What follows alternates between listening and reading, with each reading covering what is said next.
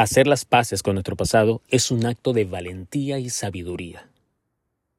Nuestros días pasados están llenos de momentos dulces y amargos, de alegrías y tristezas, de aciertos y errores, de lunas y soles. A veces tendemos a cargar con las heridas y remordimientos permitiendo que el pasado nos atormente en el presente y nos quite el gozo de estar vivos, estando ausentes.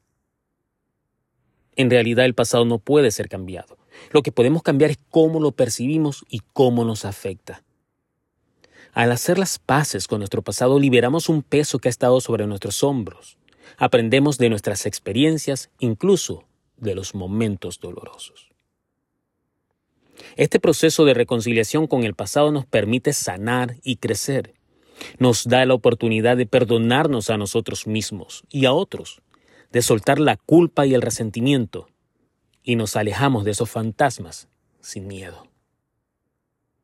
Abraza tus experiencias como parte de tu viaje personal y permítete avanzar con gratitud y determinación. La vida está en constante evolución. Y cada día es una nueva oportunidad para escribir tu historia de una manera que te haga sentir en paz contigo mismo y con el mundo que te rodea.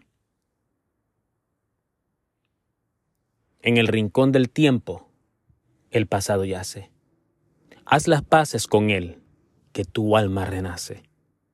Cada página escrita, lección en tu ser.